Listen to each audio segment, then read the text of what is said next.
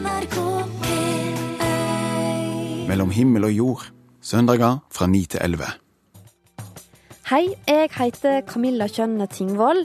Og aller først i dagens Mellom himmel og jord så skal det handle om å søke etter røttene sine. For du så kanskje Tore på sporet på NRK1 i går kveld. Der møtte vi Britt Gustavsen, som hele livet har lengta etter en halvbror som hun hadde mistanke om bodde i Sverige.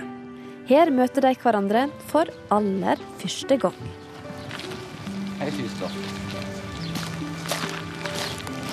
Hei.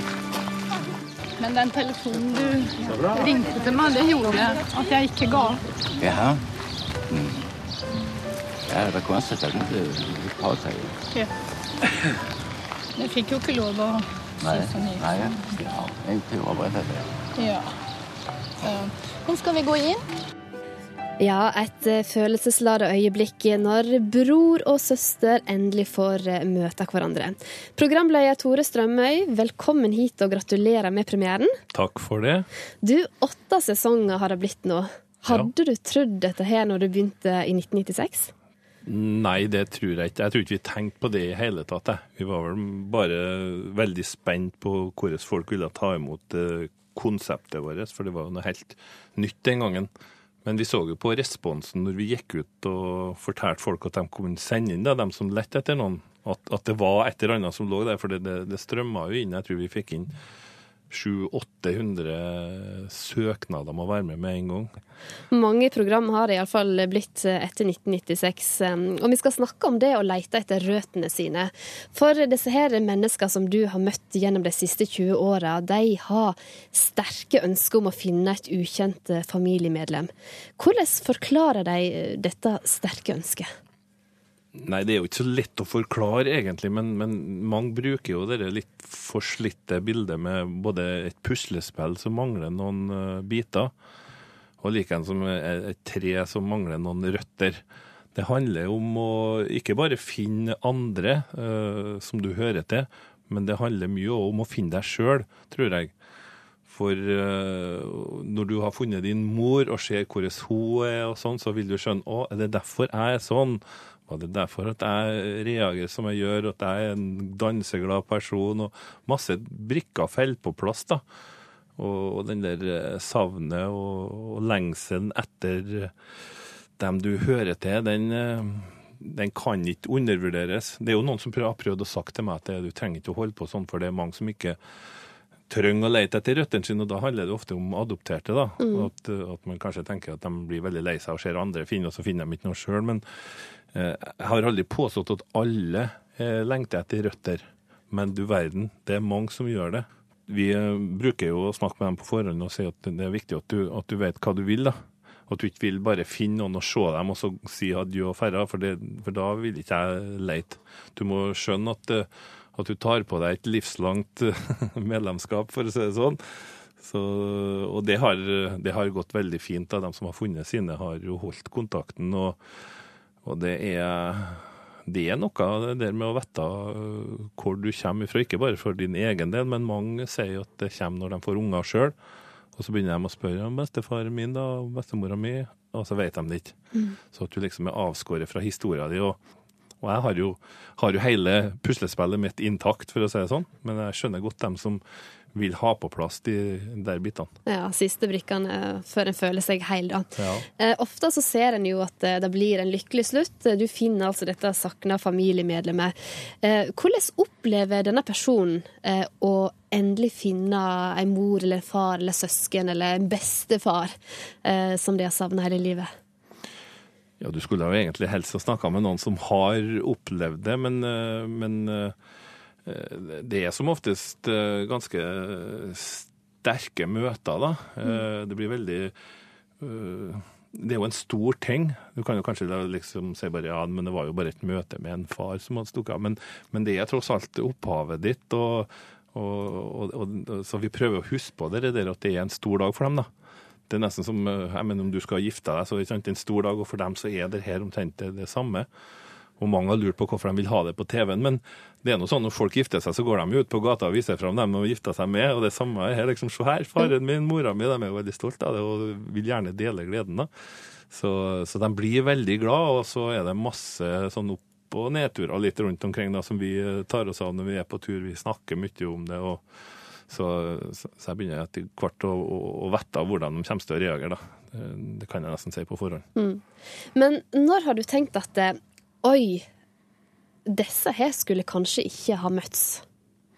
Nei, det har ikke jeg hatt eh, Den har ikke jeg opplevd ennå, faktisk. Fordi vi, vi jobber så mye med det på forhånd. Og at vi, vi vet så mye på forhånd. Og dem som får besøk, vet at det kommer noen. Vi det er noen som prøver å si at vi ringer på dørene og sier at og, her kommer vi med noen, men det gjør vi jo aldri. Så alle parter vet om hverandre og, og ønsker det sjøl. For ellers hadde vi ikke uh, gidda å gjort det. Men har det hendt at eh, hovedpersonen din har blitt skuffa når han eller hun har møtt eh, denne personen eh, som eh, en leter etter? Det vet ikke jeg i hvert fall. De, de har ikke sagt det til meg, nei. Men det er mange som har fortalt meg at de har blitt skuffa når de har møtt øh, biologiske foreldre som har lett dem opp sjøl. Og så sier de til meg at det der bildet du tegner, og det, det stemmer jo ikke, for de er så glad. Det går så bra. Men når vi drog så, og gjorde det samme, så, så ble det veldig vanskelig og krøkkete. Og, og det gikk ikke noe bra. Men, men til det så kan jeg si at det ville jeg kunne ha sagt òg på forhånd at det kom til å bli. fordi at Tore på sporet da, er den tredje personen som du trenger i sånn, øh, et sånt møte. Eh, Skulle du f.eks. ha møtt biologiske foreldre for første gang, bare ringt på døra, så er det ikke noe rart at de har blitt sjokkert. Det er så mange spørsmål som de har. På besøk er Tore Strømøy, eller Tore på sporet som han òg har blitt eh, kalla. I går kveld så begynte altså en ny sesong av det populære programmet på NRK1. Og Tore, i snart 20 år nå så har du løst det store mysterium. Du har ført eh, familiemedlemmer sammen.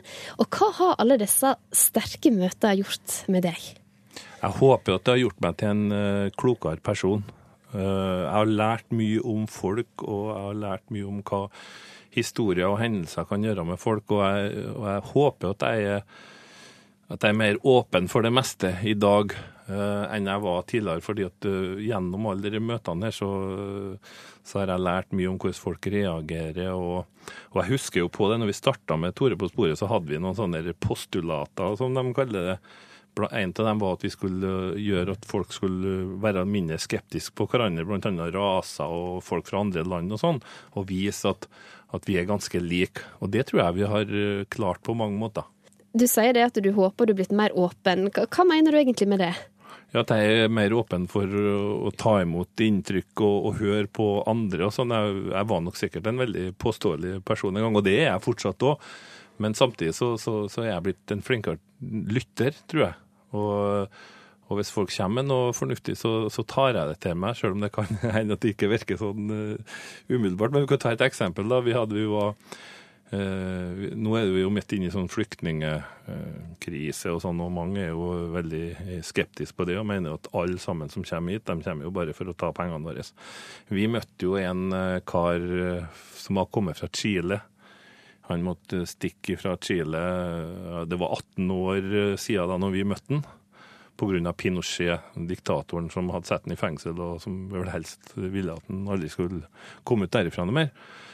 Eh, Den turen tilbake med han etter 18 år, der, der han fortalte om livet i Norge, der de hadde bare akkurat antall kniver og gafler, for de skulle jo tilbake en gang. Det var drømmen hele tida. Og det møtet med familien, eh, som en ikke hadde sett på nesten 20 år. Eh, gråten som vi hørte da vi kom i, i, i flyplassen, så eh, søsken og sånn på andre sida av glassveggen og så hvordan eh, Pinochets gamle våpendragere behandla når han prøvde å komme gjennom. Det var, det var, det var veldig sterkt. Så da liksom eh, Da skjønte jeg litt mer om hva det ville si å være en flyktning, da. Og jeg husker på når vi, vi, vi tok han med oss hjem, da. han heter Raoul, så sa han det at jeg har jo familien min i, i Norge, men hjertet mitt vil alltid være her, sånn. Og det var ja, skikkelig sterkt å, å høre på. Jeg skjønte det, jeg så det på han. At han hadde ikke noe drøm om å ha levd hele livet sitt i Norge. Hadde han kunnet det, så hadde han bodd hjem. Mm. Men hva gjorde det med deg? Det gjør jo at du øh, skjønner bedre av problematikken, da, for når det gjelder Tore på sporet, så prøver vi Det er jo ikke bare møtene, men det er en annen historie som vi prøver å fortelle. og Der prøvde vi å fortelle hvordan det var å være flyktning, da, så folk skulle få et lite innblikk i det. og, og kanskje se på ting med litt åpnere syn, da. At du ikke blir altfor uh, trangsynt når det, når det kommer folk. og Kanskje tør å gå og snakke med dem og, og finne ut litt mer før du tar din endelige beslutning om hvordan den personen du har foran deg, er. da. Ja, dette her var jo da en eh, episode som vi kunne se i Tore på sporet for eh, noen år siden. Eh, du Tore, hva betyr røtter for deg, da? Jeg er veldig opptatt av røtter. Jeg kommer jo fra Frøya, og mm, passer jo på å fortelle det i alle sammenhenger. Jeg kommer fra relativt enkle kår, for å si det sånn, ute på kysten. Og er veldig stolt av, av heimplassen min og, og, og familien og alt det som har vært der før meg. Og jeg er sånn som, som nesten blir litt på gråten når jeg kommer til Frøya, når jeg kjører land på Frøya liksom, og ser utover hvor fint det er. Så liksom lurer jeg ofte på hvor, hvorfor jeg har vært derifra. Men eh, jeg tror vel kanskje at, at, at, det blir sterkere for den som flytter fra hjemplassen sin når han kommer tilbake igjen. da. De som bor der hele tida, ser ikke det samme, så du ser det med nye øyne. Men, eh, men jeg er glad for at jeg har, eh, har solide røtter. og jeg bruker å sammenligne dem med det treet. da, Det sterkere røtter har, det sterkere står jeg i stormen. Og når det regner på, så vet jeg jo at det var noen før meg som har stått på hardere storm, i hardere stormer enn det jeg gjør. Så, så det er greit å, å vite og kan fortelle uh, ungene dine om som, hvordan familien din har levd, og dem før deg har levd. og ja, Interessant. Ja, så du er rett mann i rett program? Ja, jeg er veldig, jeg har oppe og sagt det hvis ikke jeg har vært så lik en Tore på sporet, for nå blir folk blander jo om den Tore Strømme eller Tore på sporet, det er ett fett for folk, så, så heldigvis så er jeg veldig lik Tore Strømme, ligner veldig på en Tore på sporet. Og det tror jeg er en fordel hvis du skal holde ut i det her. Ja, det er viktig å være personlig engasjert i det du driver med. Tusen takk skal du ha for besøket, Tore Strømøy. Neste episode kan vi se eh, neste lørdag, ikke sant? Det kan du. Da skal vi reise til Colombia med to gutter som eh, ble adoptert fra Colombia for over 30 år siden. Kom til Harstad. Og de har funnet ut at de ville tilbake og takke mora si for at eh, hun ga dem sjansen til et liv. NRK1 klokka 2055. Og fra hjerteknekt og menn av hjertet, så skal vi til koreograf og regissør Jo Strømgren, som stadig har forestillinger gående rundt om i Europa. I går så var kompaniet hans på scenen i Sandnes. Samtidig så turnerer et annet stykke i Danmark. Vi spurte scenekunstneren om hva er det han tror på, hva er det som er viktig i livet hans. Nei, Min vei til harmoni er stort sett er å skape ting. Eh, ting man ser resultatene av. Eh, og det tror jeg det bunner i noe sånn veldig elementært og gammeldags. Eh, en mann med to never eh, og klarer å lage ting. Det, det er en sånn tilfredsstillelse der som eh, Hva hvis du var forhindra fra å skape noen ting? Eh, nei, da tror jeg vil jeg mistrivdes. Og det gjør jeg til tider, altså. Hvis det blir bare elektronikk og digitalt og snakk og tankevirksomhet osv. osv. Mm. Eh, stivne i kroppen. Det er ikke fordi jeg ikke beveger meg fysisk, men fordi jeg har liksom ikke noe glede over det. Jeg kunne f.eks. aldri tror jeg hatt en jobb hvor jeg på en måte bare gjør ting uten å se noe resultat av det. Da mener du se resultatet sånn helt fysisk, da? At, Ja, fysisk, ja. Hvis du lager musikk, f.eks., så Ja, ser Da, du da blir, ja, da blir det jo et resultat da også, men, men uh, Men du vil ha det i 3D? Ja, i 3D. 3D ja. Mhm. Taktilt og håndfast. Så det, det kan jo være at eh, enten så er man på rett vei og inntil noe essensielt, eller så kan det være at man er rett og slett banal og er veldig enkel. Men skillelinja der er kanskje litt sånn grå, da. Grå sone. Men sånn som dans, f.eks., det er 3D, eller er ikke det? Eh, dans er vel 3D, ja. Ja, der skaper man noe definitivt. Eh, Men, eh, så, men jeg liker ikke å skape ting som bare eksisterer forbigående. Hvis jeg skaper noen ting kunstnerisk sett, så er det sånn, noen ting som skal leve i årevis eller på turné. Og, ja, så det, det varige, liksom. Og så skal vi høre at eh, kjente skuespillere stiller opp i en landsomfattende aksjon mot eh, seksuelt misbruk av barn. De forteller historier til overgrepsofre i Redd Barna sin videokampanje, som heter Jeg er her. Det er en kampanje altså på sosiale medier for å få oss voksne til å bry oss og spørre barn om hvordan de egentlig har det, f.eks. når det er mistanke om overgrep. Vi har møtt en av skuespillerne som stiller opp i denne aksjonen. Jeg husker jo veldig lite fra jeg var liten. Men jeg har hørt det at det er en veldig vanlig senskade hos folk som er utsatt for seksuelle overgrep. da. Skuespilleren Henriette Stenstrup gir stemme til ei kvinne som ble seksuelt misbrukt av faren da hun var barn. Jeg husker jo ikke hva læreren min på barneskolen het engang. I en video på YouTube får vi høre at overgrepene skjedde i et religiøst lukka miljø. I en familie med en pen og pyntelig fasade. Vi var med i en lukka menighet hvor pappa var veldig godt likt av alle. Og så arrangerte han spillkvelder da, for mennene hver eneste uke. Og de kveldene var mamma på syforening, så jeg visste at når mamma sa at i kveld skal jeg på syforening, så var det den, den kvelden. Over 120 000 nordmenn har sett denne videoen, som nå deles på sosiale medier. Bak står Redd Barna. Og jeg pleide å ligge under dyna og si til puta mi at det kommer til å gå bra, det kommer til å gå bra, det kommer til å gå bra. Men så kom det. Først langt bortefra, og så nærmere og nærmere. Lyden av skritt som nærma seg døra mi. Og så gikk døra opp, og da sto alle mennene der og titta på meg. Fordi den som vant spillet, vant meg. Henriette Stenstrup hun er en av flere skuespillere som har engasjert seg i Redd Barnas kampanje mot seksuelle overgrep. En kampanje som har fått navnet Jeg er her. Som skuespillere forteller de historiene til kvinner og menn som ble utsatt for seksuelt misbruk i barndommen. Det er jo litt sånn klisjé, men det var jo en mulighet for meg til å gi en stemme til stemmeløse, på en måte. Jeg er mor selv og tenker jo Blir ekstra berørt av å høre historier om barn som blir utsatt for grusomheter. Det var en ganske god måte å kanskje bidra til å bryte et, et tema som er ganske rammet av litt sånn taushet, da. For seksuelle overgrep er tabu. Undersøkelser viser samtidig at i ei skoleklasse så har minst to jenter og én gutt vært seksuelt misbrukt av voksne. Altså At barn skal utsettes for vold og overgrep, det er såpass utenkelig for så mange at man har ikke noe lyst til å vite om det, nesten. Man snur liksom ryggen til det. Det er vanskelig å tro på at voksne kan gjøre sånne ting mot barn, men det gjør de. Og derfor så er det så viktig at man snakker om det. Sånn at det er de voksne som gjør sånne ting, som får støyten, og ikke de barna som blir utsatt for det.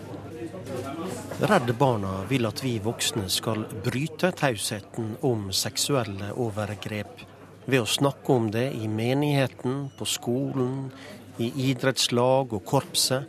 Så blir det mye vanskeligere for overgripere å slå til igjen. Men det aller viktigste er at vi viser barn og unge at vi bryr oss om dem, sier Redd Barna i sin kampanjevideo. Barn som blir utsatt for seksuelle overgrep, de føler ofte at de lever i en veldig lukket verden.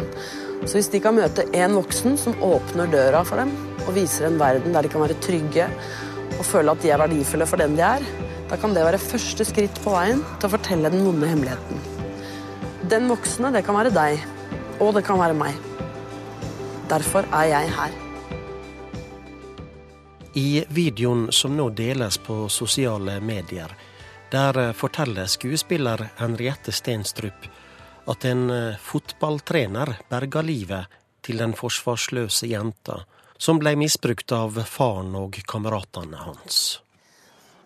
Og han treneren jeg hadde der, han var veldig kul. Han syntes at jeg var ganske god. Og han kjørte meg ofte til og fra trening og kamper og sånne ting.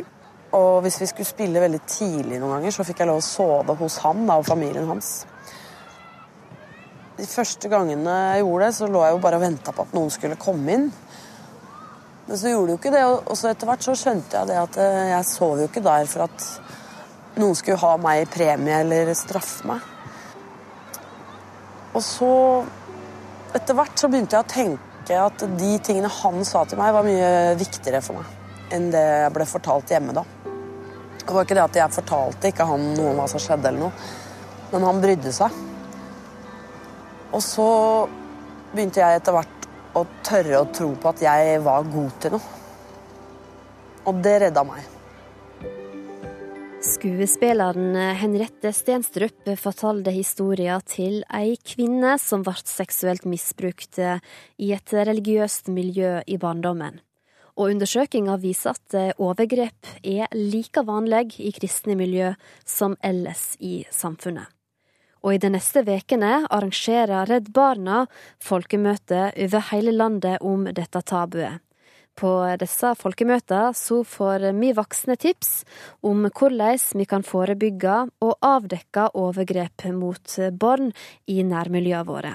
Reporter var Kjetil Lillesæter. Og jeg husker jeg satt opp den køyesenga, og plutselig så kjente jeg virkelig sånt ja, en sånn enorm varme, et lys, en slags eh, veldig sånn ro. Kjærlighet. Kjærlighet. Ja, ja, faktisk. Eller sånn veldig ro. Jeg har tenkt på den følelsen mange ganger. Men jeg vet jo ikke hva det var. Om det virkelig var Gud, eller om det bare var noe som eh, jeg hadde behov for der og da. Du hører på Mellom himmel og jord i NRK P1. Her under asfalten i dette lyskrysset, under bilenes brølende passeringer, ligger de døde stille. 2015. Et lyskryss, en bensinstasjon, et ungdomshus. 100 år tidligere. Sørgende mennesker som gravlegger sine kjære akkurat her. Ja, nå er vi eh, ved Innherredsveien i Trondheim, veien utover mot eh, Nord-Trøndelag. Et travelt lyskryss for noen, den siste hvilestaden for andre. Det var et forrykende vær da Mikkel Grendal ble ført til den siste hvilestaden sin på Eli plass kirkegård, men likevel hadde sørgetoget flere tusen deltakere. Det nådde fra Skansen til Torvet og var et synlig vitnesbyrd om den vyrdnad alle hadde for den gamle herdens kjempe fra Havstein. Ja, dette står i ei av bygdebøkene til Strinda om gravferda til stortingsmannen Mikkel Grendal, som døde i 1849. I dag er det bare rester igjen av plassen der han ble gravlagd. Det forteller forfatter, universitetslektor, prest og lokalhistoriker Per Øverland. Ja, det er rett og slett kirkegårdsmuren. Den, den delen av kirkegårdsmuren som eksisterer enda. Det er jo ikke mange som vet. Nei, jeg tenker på hvor mange ganger jeg har gått opp inn, Innherredsvegen og sett den muren, men jeg har aldri visst at det var en kirkegårdsmur. Ja, Nei? ja. Men du skal vi ta og gå bort? Ja. Asfalt under føttene. Under oss hviler sannsynligvis mennesket som ble gravlagt mellom 1846 og 1940. Jo, for de har forsøkt å finne ut eh, om man flyttet eh, eh, restene av de døde. Men det har jeg ikke kunnet finne ut. Jeg tror ikke det skjedde. For da vi flyttet hit i 1966, så var det fremdeles gravsteiner her. Gravsteiner langs ja, veien. lå bak den lille eh, mur, eh, jordvollen her. Vi står altså på det som i si tid var heilag jord. Ja, det holdes jo en seremoni, da. På samme måte som man innvier en kirke. Da er det gjerne biskopen til stede, og menigheten der, og alle eh, andre geistlige, sånn som sognepresten og de andre prestene i, i selve prestegjeldet, og i naboprestegjeldene kommer. Og så er det et, et ritual som eh, Det er det bønn og, og eh, tale. Og ender med at man høytidelig vier dette området til en kirkegård for de døde. Og det betyr jo da at eh, stedet skal brukes med respekt for denne innvielsen. Men denne innvielsen den kan altså bli brutt. Ja, du kan vel nesten si det sånn at eh, den er på en måte tidsbegrenset. eh, så lenge man eh, bruker denne. Og det er nettopp det som har skjedd med Eli plass kirkegård. For 100 år etter at kirkegården var innvia, ble det i 1940 bestemt at den skulle legges ned. Planen om å bygge ei kirke i tilknytning til kirkegården ble lagt på is.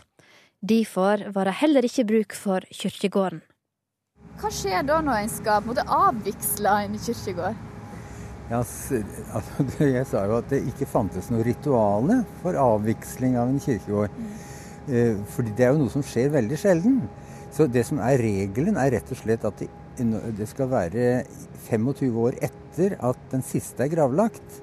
Så er kirkegården eh, fri til annen anvendelse. Det å legge ned en kirkegård, det er et eh, litt ikke komplisert spørsmål, men det er et følelsesmessig vanskelig spørsmål.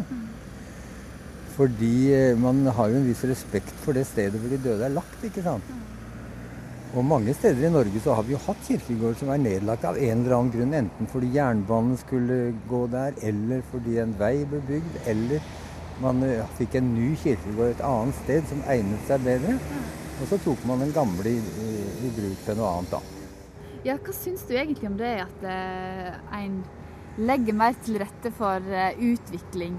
Altså byutvikling og den type Jeg synes jo at man skal ha respekt for de hellige tingene både kirker og kirkegårder og andre sånne verdifulle eh, minner fra fortiden. Men jeg syns det er helt i sin orden at man tar en kirkegård ut av bruk liksom i ordnede forhold, sånn som jeg har nevnt. Eh, og at den kan brukes til noe annet. Men jeg synes i alle fall at det burde på en måte være en slags minnesmerke eller noe sånt. For å, minnes eh, f.eks. en plate eller et lite monument eller noe sånt. Og, og, det at man ikke overhodet minnes de som er gravlagt her, det syns jeg er rart. Og jeg syns det egentlig er litt ukultivert. Hvis vi tenker på 2015, hvis i dag en hadde sagt at eh, nei, nå skal vi slette en kirkegård, f.eks. her i Trondheim, da. Hva slags reaksjoner tror du hadde kommet på det? Ja, jeg tror faktisk at uh, reaksjonen ville blitt en annen i dag enn i 1940, da denne kirkegården ble nedlagt. Fordi uh, det, det, er noe mer bevissthet om at vi skal ta vare på det som er gammelt, og prøve å innføye det i det nye. Og i dag så ville jo eh, denne kirkegården, hvis den hadde eksistert, kunne f.eks. brukes til spesielle former. F.eks. For bare for uh, urnenedsettelser, eller f.eks. Eh, som en, eh, et sted for de som ønsker å være anonyme. Altså at man hadde bare graven, og at, det var et, et, slags minnesmerke midt på en vakker hage. Så, så, jeg tror i dag så vil man forsøke mer å innføye det gamle i det nye. Du bor jo i området her. Ja. Tenker du litt eh, gjennom det at dette her har vært en kirkegård når du oh, sykler fort forbi? Å oh, ja, hjelp. Det gjør jeg. Jeg tenker at her, her er kirkegården. Jo, for det er jo det samme som eh, vi lever nå, og de andre levde da. Men de hadde jo egentlig akkurat det samme liv og de samme omgivelsene. Mm. Ja, disse folka som eh, ligger under beina våre, de har òg eh, levd i området ja, som vi bor i? I aller høyeste grad. Vi kjenner jo mye til noen av de mest berømte for noen levende personer de var. Ledende personligheter i både politikk og kristenliv, f.eks. Og nå eh, hviler de altså under asfalten mens livet går sin gang i 2015. Eli plass kirkegård i Trondheim er bare én av flere gravlunder som er nedlagt i Norge. Fram til 1840 så ble det som i dag er torget i Kristiansand, brukt som kirkegård i hovedstaden, ved Oslo domkirke. Like ved Karl Johan så ble folk gravlagte fram til kirkegården ble omgjort til park i 1823. Og det finnes mange slike eksempel fra landet vårt. Unnskyld, jeg kommer fra NRK Radio. Kan jeg spørre deg, er du urolig for flyktningsituasjonen? Jeg tenker litt på det. Ja, litt kanskje. Nei, ikke helt, altså. Merker du at det er litt mer uro nå enn det har vært før? Eh, ja, blant folk på eh, sosiale medier i hvert fall. Men eh, nei, jeg tror ikke det er noe å bry seg om. Det har kanskje begynt å øke på i litt større grad enn hva man kanskje hadde forutsett i forkant. Mm. Men klart vi må hjelpe dem. Men det begynner å bli mange av dem. Har du blitt mer urolig nå? Ja. Etter en svær bølge med godhet, velvilje, innsamling av varme klær, ja, generelt sterk frivillig innsats for flyktningene som kommer til landet, så er det muligens en bølge av uro på vei inn mot land. Hva er det denne uroa kommer av, og har vi grunn til å være bekymra? På en kontorstol på Skøyen så sitter Jan Paul Brekke Hallo. og kobler opp sin smarttelefon mot kringkastinga. Hallo, ja. Hører du meg, Jan Paul? Da er vi Vent litt, skal jeg hente en eh, høretelefon, bare. Da er vi i gang. Er... Jan Paul han er forskningssjef ved Ipsos. Han forsker bl.a. på tema knytta til flukt og integrering, så han skulle kanskje være rett mann til å svare på hva som vekker denne uroa. Ja, nei, jeg tenker at det er eh, naturlig at folk nå ser eh, at situasjonen er litt ny. Nå, har man, eh, nå ser man at det har kommet eh, eh, mange mennesker de siste par månedene. og da spør man seg hva, hva skjer nå? Eh, hvordan kommer dette til å gå? Og hva kommer til å skje både med ankomsttallene og med integrasjonen i tiden fremover? Så at det er en, naturlig reaksjon. Så da er spørsmålet hvordan man kan få til gode løsninger for integrering, og for å, for å få eh, gi folket en opplevelse av at politikerne og, og myndighetene har kontroll på, på ankomstene og på prosessen etter ankomst. Ja, for du tenker at folk er urolig for at ting er ute av kontroll? Nei, det kan opp, Ikke at det er helt ute av kontroll, men at det oppleves som at det, er, det styres ikke av norske myndigheter, men av, av, krefter utenfor oss selv. Og til en viss grad så er det sant. Sånn har det vært lenge at asyltallene eh, er styrt av mange andre forhold enn nasjonal politikk, men nasjonal politikk har helt klart noe med det å gjøre. Ja, Nå har jeg vært eh, nede på Brustein i Trondheim og snakka med folk, så vi kan jo høre litt på hva de sa. Ok. Unnskyld, er du urolig for flyktningsituasjonen? Ja, egentlig mener jeg det. Hva er det du er urolig for?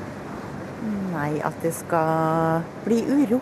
Ja, for mye folk og sånn. Du mister kontrollen, på en ja, måte? Ja. Og brann, brannpåsettinga de holder på med. Og... Nei, Jeg er urolig for at eh, kanskje vi ikke klarer å ta hånd, nei, ta hånd om dem på best mulig måte. Det blir jo så veldig mye folk, og, og, og blir, jeg tenker mest på det hvor vanskelig det kan bli for ungdommer de unge som skal ha jobber. Og, og, og det blir jo så mange om beinet. Det er kanskje mengden av det å klare å ivareta i forhold til at det ikke skal gå utover kanskje så mye andre ting òg. Mm. Kanskje. Både i forhold til kostnader og bosituasjoner til dem, og gi dem jobb og utdannelse.